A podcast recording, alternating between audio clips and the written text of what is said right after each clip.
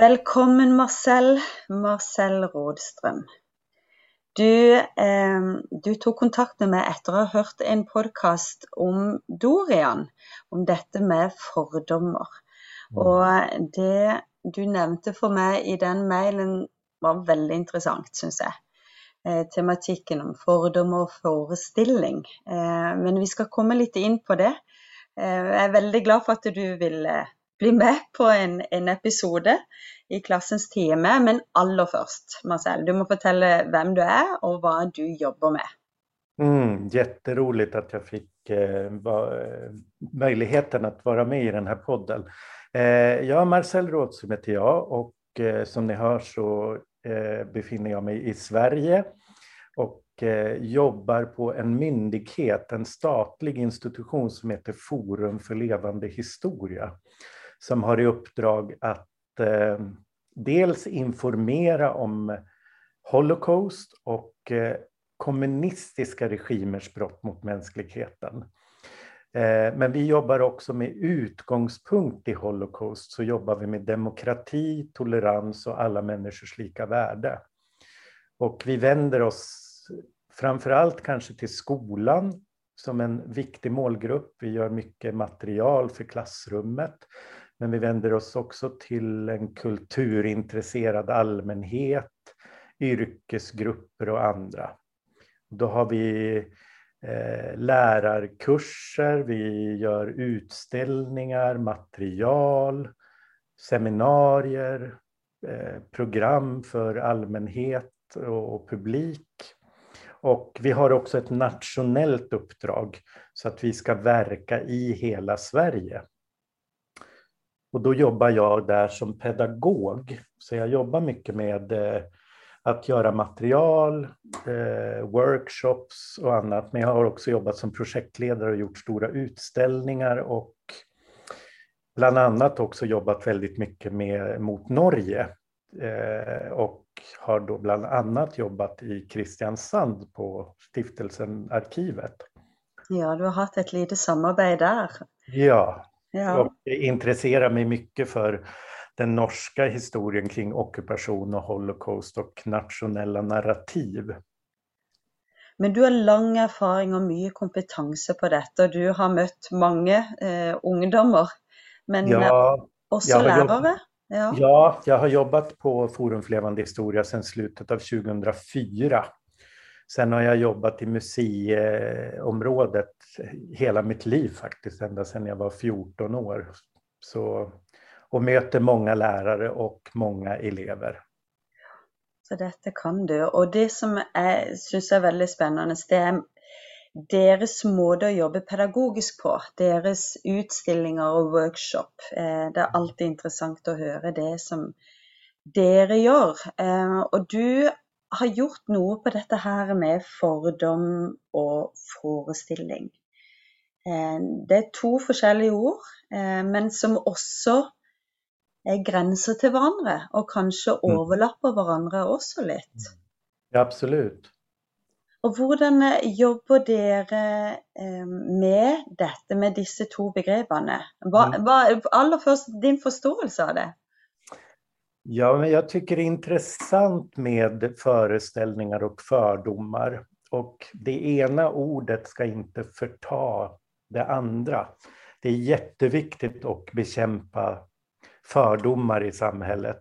Så det ska vi absolut inte se ner på. Men det kanske är lite lätt i dagens samhälle att vi direkt börjar prata om att det där är en fördom. Men föreställningar, det här handlar ju egentligen om psykologi. Och när vi jobbar med utställningar och workshops så rör vi oss alltid kring det mänskliga, det mänskliga agerandet, vad vi människor gör eller har gjort. Och då handlar det om normer, det handlar om hur samhället fungerar, men där finns också då dels föreställningar och tolerans. Och hur ser jag då på skillnaden? Alla människor har föreställningar om andra människor och andra grupper. Och det, det bygger ju på att människans hjärna är konstruerad för att överleva och undvika hot. Och eh, långt, långt tillbaka när, när vi inte mötte varandra så mycket utan man var ute i skogen och jagade så kanske man möter en ny människa. Då är det första hjärnan tänker, är det här ett hot? Eller kan jag närma mig den här människan? Och då börjar också föreställningar om andra skapas. Och en föreställning behöver inte vara någonting negativt. Jag föreställer mig att alla norrmän går på tur. Det är en ja. föreställning. Ja, men stämmer det då? Stämmer den föreställningen? Går alla norrmän på tur? Mm. Och i föreställningar så har vi också det, det, klassiska kring normer. Vad är manligt? Vad är kvinnligt? Mm.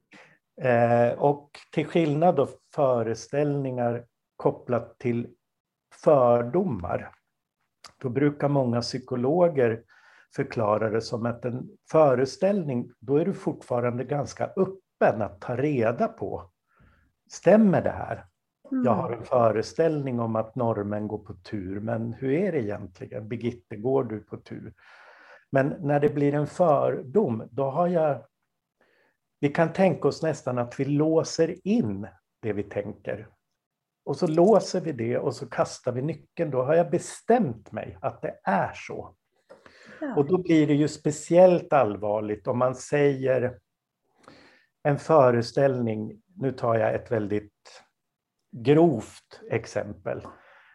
Det kanske finns generellt en föreställning om att alla muslimer är eh, antingen väldigt, väldigt troende och alla muslimer är terrorister.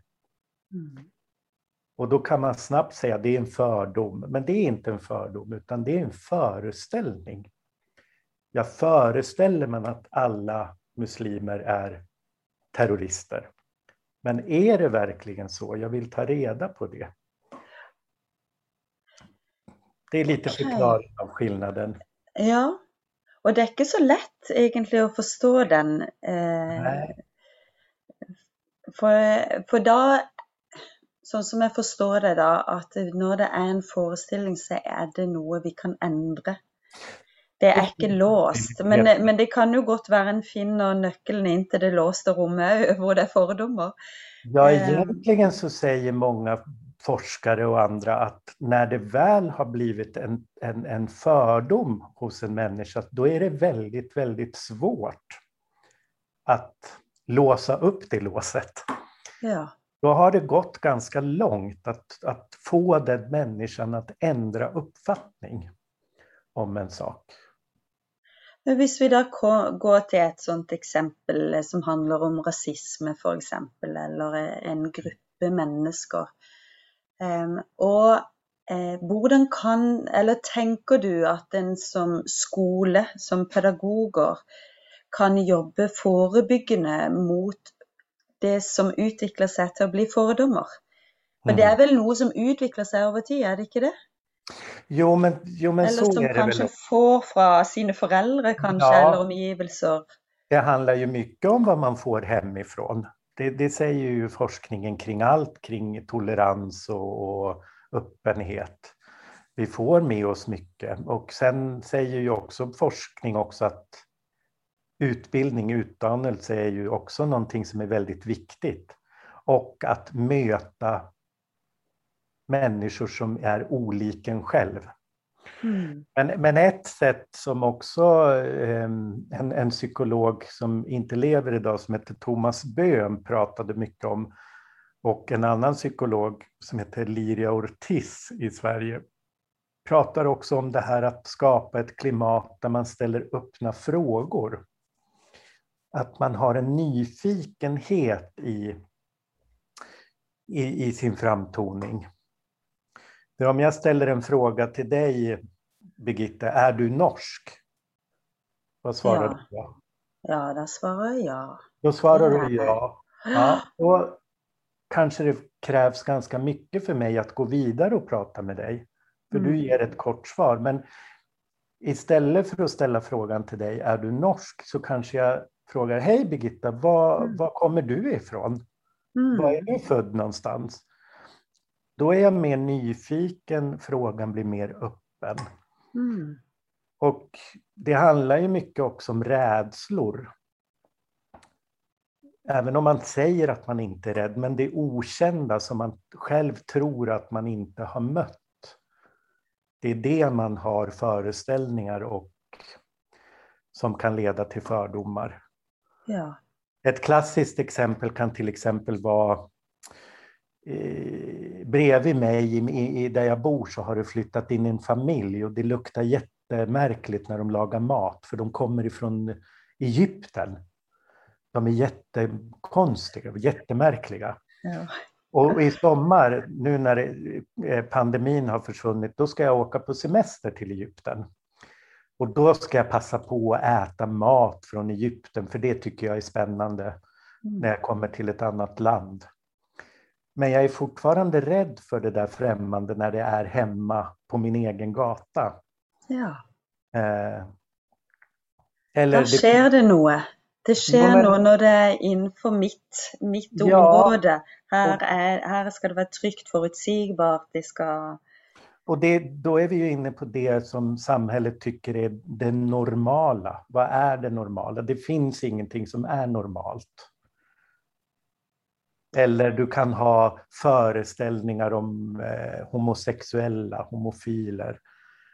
Och så får du en ny granne igen som du umgås jättemycket med och dricker kaffe och eh, du äter mat.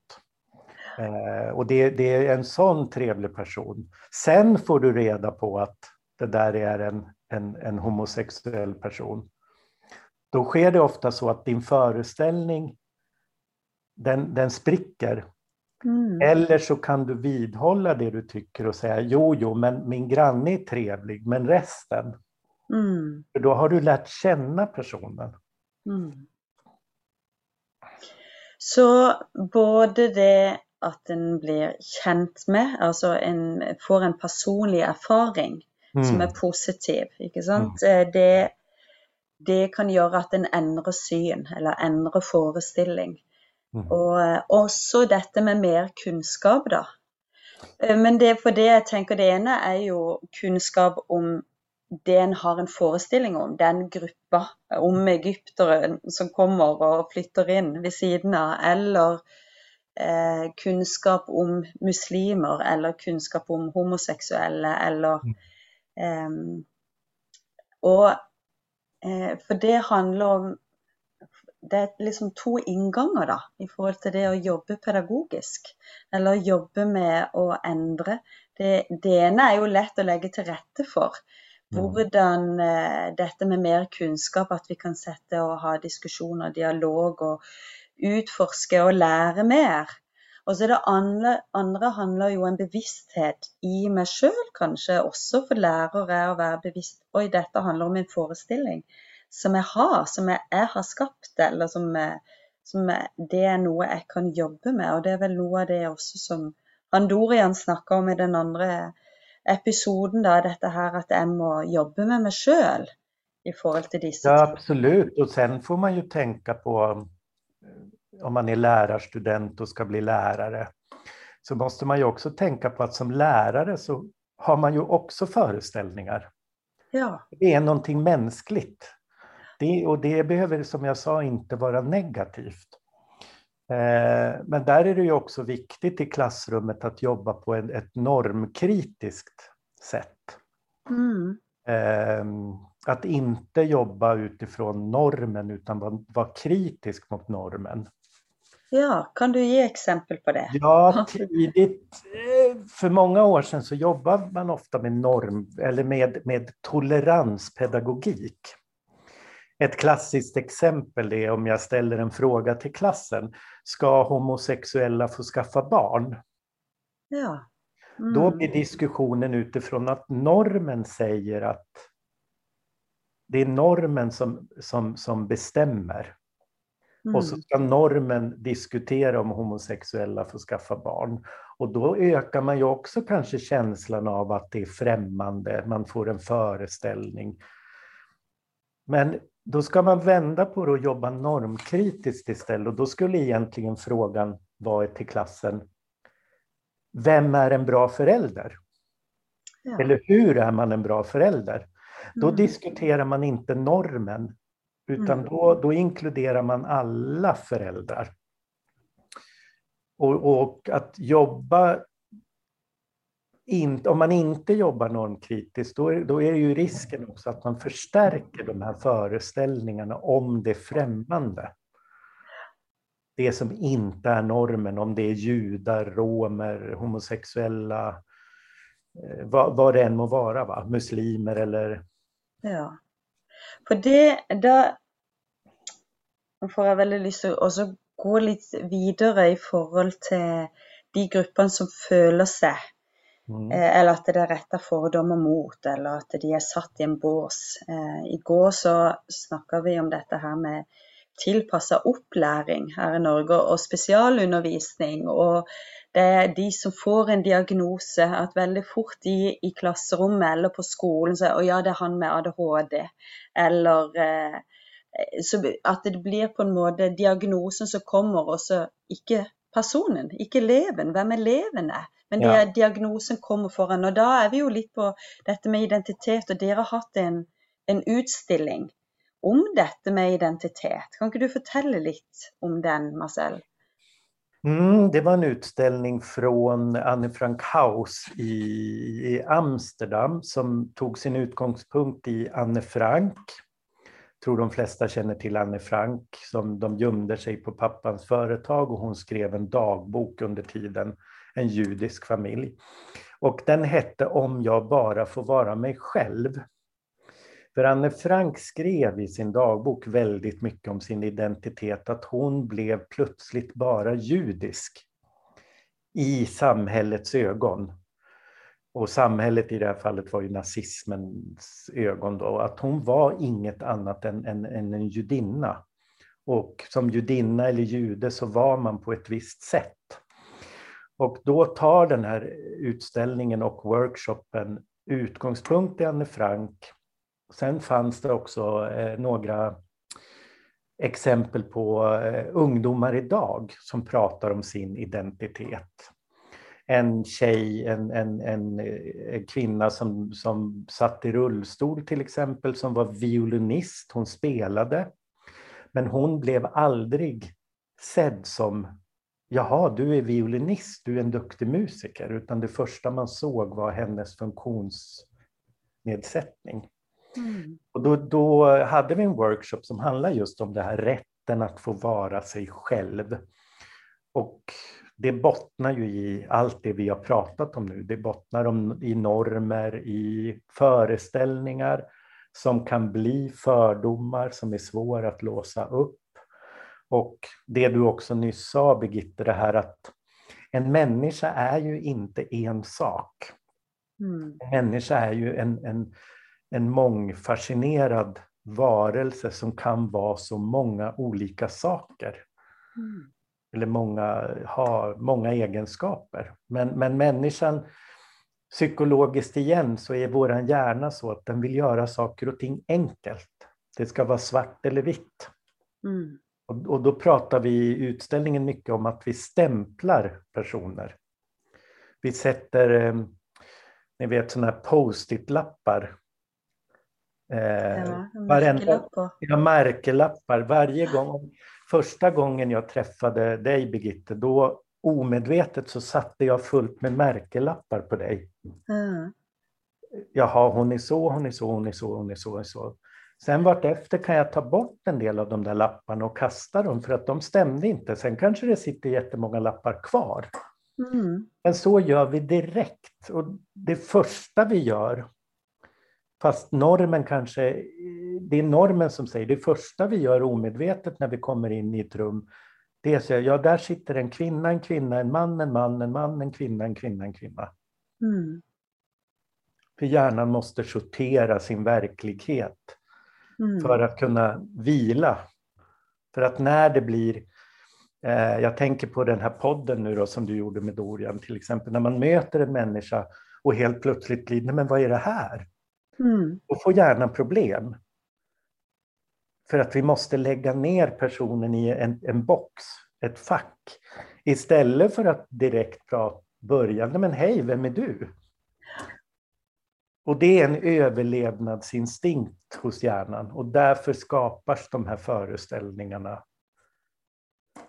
Mm, eh, det, um, en, en, en, känner ju på det själv. Alltså detta är ju som du säger, det, det ligger i oss, i vårt system, i vår, mm. uh, i vår, vår beredskap. Um, och så är det lite, denna utställningen, hade dere ungdomsskoleklasser? Var det, ja. ja. För det, detta med läringsmiljö i skolan, och är det ju något som många har, jobbar med, av de olika ungdomsskolorna, en ser sån värdier som de sätter upp. Mm. Där kan det vara, väldigt ofta är det mästring, lärelyst, mm. inte sant? Men det kan också vara trygghet. Ja, ja. Och det å bli sett, och detta med trygghet, och det, det sa du något om. och det för da disse lærerstudentene som jeg har, og jeg vet at det er noe de bare ønsker veldig, det å skape et godt læringsmiljø. Og da trenger vi, da trenger vi trygghet i mm. klasserommet. Trygghet til å kunne snakke om de vanskelige temaene. Og også for at jeg som pedagog skal våge å kunne ta opp temaer og vite at det, dette er greit å snakke om. Mm. Og så er det jo dette hvor spørsmål, hvordan stiller en spørsmål, hva er det en diskuterer? Er det normen, eller er det Ja. Um, og her Hvordan responderte disse ungdommene du hadde på besøk i forhold til det å snakke om identitet? For det er jo krevende alder. De er veldig i utvikling i den alderen der. Ja, men det är ju en ålder och vi, vi tittade just på det och den åldern är också tacksam att prata identitet med för att det är en ålder där man är sökande själv. Eh, men, men eh, jag upplevde att det, det fungerade väldigt bra i, i den här workshopen. Dels för att en del exempel var ganska de var väldigt tydliga. Eh, och, och vi försökte liksom slå hål på våra exempel, att inte se den här kvinnan som bara rullstolsburen, att jaha, hon var violinist. Och att de också fick fundera på sig själva. Vilka, lapp, vilka, vilka post-it-lappar, märkelappar, är du van att få på dig själv? Eh, för det kan man ju känna igen sig i. Jag får alltid höra att jag är. Mm. Det kan ju vara någonting som stämmer, men, men, eh, mm. men, men, eh, men jag tror att du också är inne på någonting väldigt viktigt där, att våga att vara trygg som lärare. Sen har ju jag en fördel kanske eh, när jag möter en klass i en workshop, för att jag är en ny person. Jag har gruppen i två timmar. Så jag har ju, jag måste ju snabbt skapa en relation till gruppen på en minut. Mm. Men jag blir också någon annan som pratar med dem än läraren som de jämt lyssnar på. Mm. Um, men det mm. ligger någonting i det där med trygghet och som lärare också att vara trygg i sig själv men också att man har ett kollegium, sina kollegor, att kollegorna står på samma plattform. Ja, och där kommer vi in på detta med skolekulturen. Mm. För det vill jag tro eh, preger väldigt mycket, eller alltså att eleverna märker gott hur skolekulturen är, kulturen mellan lärare är på ett lärarvärelse. Och där kommer ju då elevsynet fram. Och vilka ja. märkelappar, vilket språk är det? Eh, språket, hvordan det definerer også mitt møte med eleven. Og mm. nettopp hvordan ser jeg eleven, hvordan stiller jeg spørsmål, hvem er du, hvor kommer du fra, eller hva er det. Og, og jeg har jo hørt historier også hvor elever syns det er veldig deilig å begynne på ny skole, fra barneskole til ungdomsskole, eller begynne på en videregående skole er kanskje enda mer frigjørende for de som har hatt merkelappene på sig ja. i, i grundskolan. Mm. Eh, och då, det som jag hör från någon i ungdomsskolan, det är att märkelapper har kommit från barneskolan. via lärare på sådana här överföringsmöten. Och det tänker jag är ett vanvittigt stort ansvar eh, och väldigt farligt. Ehm, så jag har själv jobbat på, den första skolan jag jobbade på som nyutdanad var, var på mångt och mycket en skola där lärarna pratade, pratade illa om eleverna i lärarrummet på rasten. Och, och, där upplevde jag ganska snabbt att det fanns ett väldigt lågt förtroende mellan lärare och elever. Mm. Det kanske fungerade bra i ämnesundervisningen, men, men skolan är ju så mycket mer. Det jag kallar för de mjuka värdena som inte kanske handlar om matematik, mm. utan resten. Att forma eleverna som goda samhällsmedborgare, skolans demokratiuppdrag som kanske inte finns direkt i ett ämne men ska genomsyra hela skolan. Mm. Um, och där är det ju viktigt också att, um, och det säger också mycket forskning kring, um, kring sådana här ämnen, att man börjar tidigt med elever. Inte tänker att det är någonting man börjar med när de kommer upp i ålder, utan att börja jobba med det här ganska tidigt. Mm. Åtminstone från 9-10 års ålder. Eh, för att sen bygga vidare på, på det genom, genom skolan och sen ja, för resten av livet. Mm. För det är ju en stor utmaning idag. Världen är så global idag och vi tar in så mycket via, via internet och, och om andra delar av världen och, och det florerar väldigt mycket åsikter och tankar på nätet. Ja, vi blir bombardert, och det kommer tidlig. Det gör mm. det. Og, og gjennom både samfunnet og foreldre og skole og alt, så, så får små barn det. Um, det gjør det.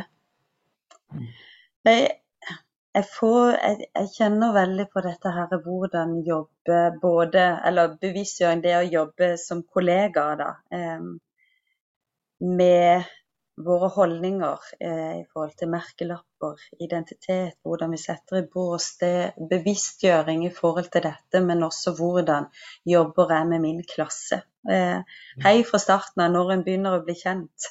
Det der å øve opp, eh, og kanskje snakke eksplisitt om det også med ungdom, dette her at nå, nå vil jeg at i, det, i denne klassen så håper jeg at vi kan ha rom for at vi alle er forskjellige. Mm. Altså det der å snakke og reflektere og gjøre det ganske ofte òg. Mm. Og hva det betyr for meg, men også hva det vil bety for, for elevene og mm. läringsmiljö. Och nu har vi ju också någon sån här, ja, unnskyld. Nej, men och, och, och för en, en lärare också tänka att också ha den öppenheten med elever när det gäller de här mjuka samtalen, att, att läraren kanske inte heller är expert på allt, men låt oss samtala. Ja. Sen ska läraren, pedagogen, ha den ska vara den som, som styr och ser till att det, inte, att det blir normkritiskt och, och öppet och också förmågan att kunna sätta stopp och säga att nej men det där är inte okej. Okay. Eh, det är inte en diskussionsfråga för att ibland kan det ju vara en sån enkel sak som att man börjar diskutera en sak som lagen säger att det, det, det är ingen mening att diskutera för lagen säger att så här är det. Mm. Till exempel. Mm. Att kunna dra, det är som att staka ut en bana en, på något sätt. Mm. Men det, det, det du nämner tror jag är liksom eh, A och O, att ha en grundplattform, en förutsättning där både lärare och elever känner att vi kan diskutera det här och, och vara, vara öppen. Det är ju kjempespennende samtaler da, å ha med ja. de unga. Ja, jo, men det är det ju för att de, ja. många gånger kanske det också är så att vi vuxna som tror att vi hänger med så mycket och sådär, men Men vi kanske inte vet riktigt vad, vad rör sig de unga i för plattformar och hur förs samtalen mellan dem och, Mm. och, och sådär. Og kanskje bra òg at en som lærer ikke har svarene på det. Det der å undre seg Ja, sammen og stille ja. spørsmål sammen. Ja, det, det tror jag är viktigt. Att inte alltid känna att man måste ha svar. Mm. Ehm, utan jag tänker så här, hur tänker du? Mm. Då är det öppet. Mm. Ehm, och när man, ja men återigen, och det blir ju, det bygger mycket på rädsla. För det okända eller den här föreställningen. Jag funderade själv mycket på det och det var väl mest på, på, på skämt. Det var inte på, på allvar men när jag skulle flytta till Kristiansand i, i tre, fyra månader så, så var det någon som sa till mig att du kommer aldrig bli känd med någon på Sörlandet. Det går icke. Eh, och det var ju mest på skoj så, men, men jag funderar mycket på det där. Jaha, varför då? Vad, vad är det som, vad är det för bild den person, vad är det för bild man har av sörlänningar? Mm. Och nu blev det inte så, nu blev det tvärtom för mig, men, men eh, det fanns ändå en föreställning om, Mm. Mm.